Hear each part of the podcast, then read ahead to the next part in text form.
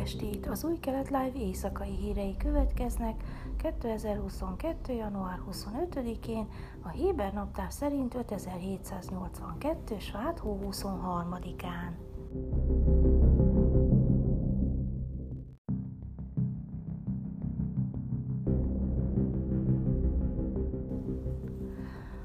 A hírportál jelentése szerint a kormány megalakulása óta eltelt 7 hónapban a miniszterek legalább 46 külföldi utazáson vettek részt 10-16 millió sékel, azaz 1,6 milliárd forint értékben.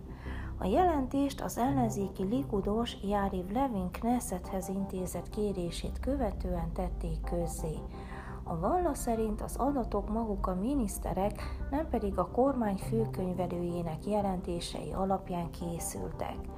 Néhányan az utazási költségek részletezése nélkül válaszoltak a kérdésre, mások pedig hiányos jelentéseket továbbítottak, mellőző a biztonsági költségeket, vagy nem tartalmazták azokat az utazásokat, amelyek a lekérdezést követő benyújtási dátum után történtek. Az összköltség kiszámítása csupán becslés.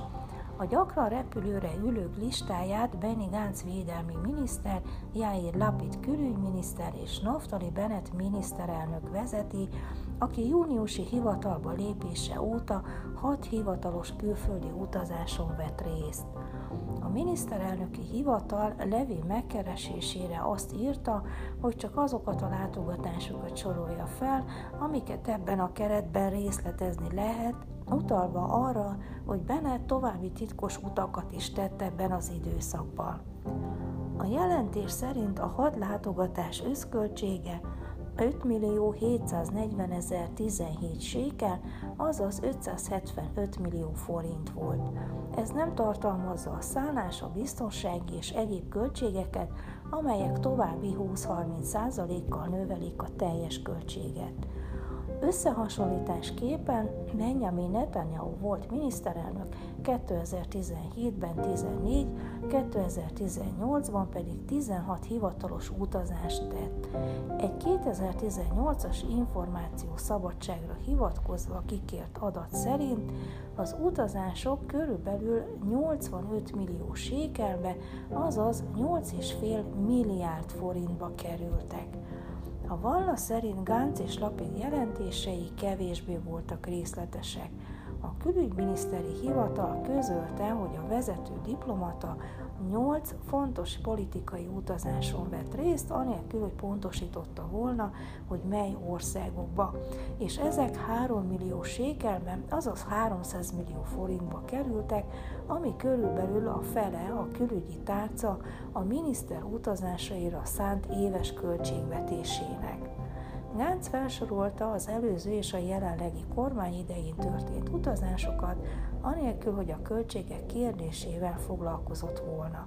Öt utazásról számolt be, amelyet a jelenlegi kormány védelmi minisztereként tett, Franciaország, Szingapur, Marokkó, az Egyesült Államok és Jordánia megjelölésével.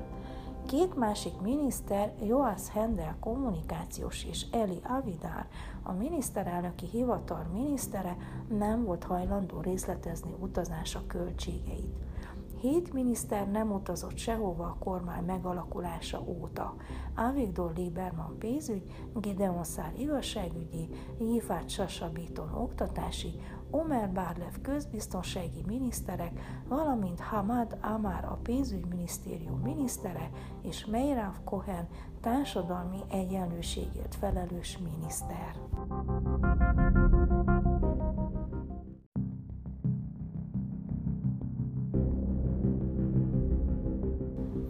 Tíznapos börtönműtetésre ítélték az izraeli hadsereg egyik gázai határ mentén állomásozó katonáját, mert a TikTok közösségi média alkalmazásba feltöltött videón az enklávé irányába a levegőbe lövöldözött.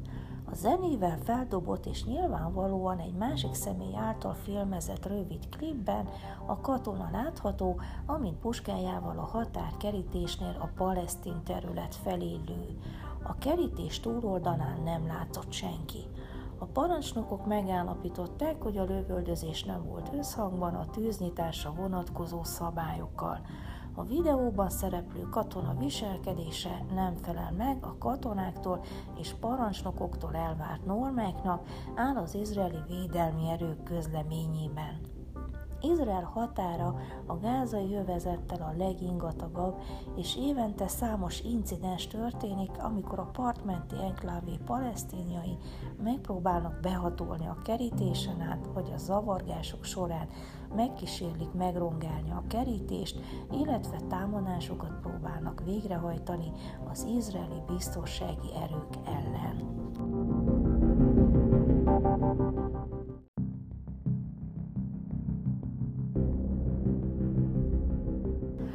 Pénzügyminisztérium vezető közgazdásza által közétett kutatás alapján arra következtetésre jutottak, hogy a fiatal párok tavaly rekordmennyiségű 65 ezer lakást vásároltak, és ezek 20%-át az úgynevezett Mehir Nemistaken kormányzati program keretében.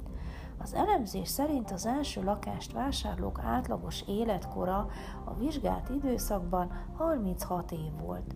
Az első alkalommal vásárlók átlagos havi bruttó fizetése háztartásonként 23.400 sékel, a tavaly vásárolt első lakások átlagos ára pedig 1,73 millió sékel volt. Továbbá az első alkalommal vásárlók 66%-a 1,75 millió sékel alatt vett lakást, háztartásonkénti havi bruttó 18.400 sékel átlagfizetés mellett. Az elemzés kimutatja, hogy 2021 első 9 hónapjában több mint 600 első lakást vevő fiatal Tel Aviv környékén 4-6 millió sékelért vett ingatlan, ugyanakkor ezek a fiatalok az első lakást vásárlók mindössze 2%-át teszik ki, és a technológiai, a pénzügyi, a jogi és a számviteli szektorban dolgoznak, háztartásonkénti 54 ezer sékel feletti havi bruttó fizetéssel, ami az országos átlag négyszerese.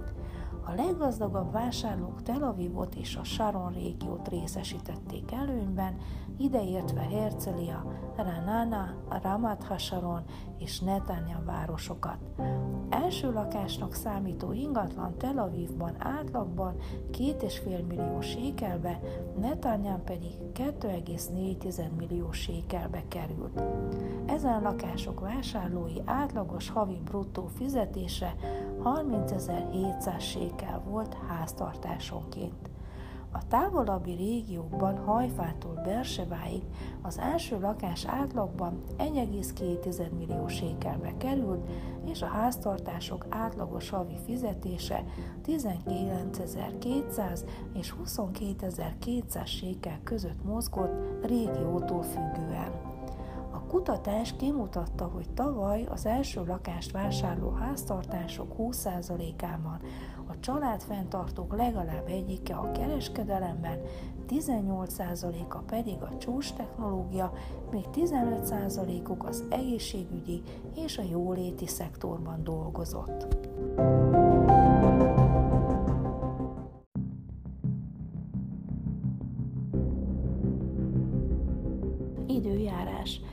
Szerdán esős idő várható, Jeruzsálemben 9, Hajfán 11, Eiláton 17, míg Ásdodban és Tel Avivban 13 fokra lehet számítani. Ezek voltak az új kelet live hírei kedden.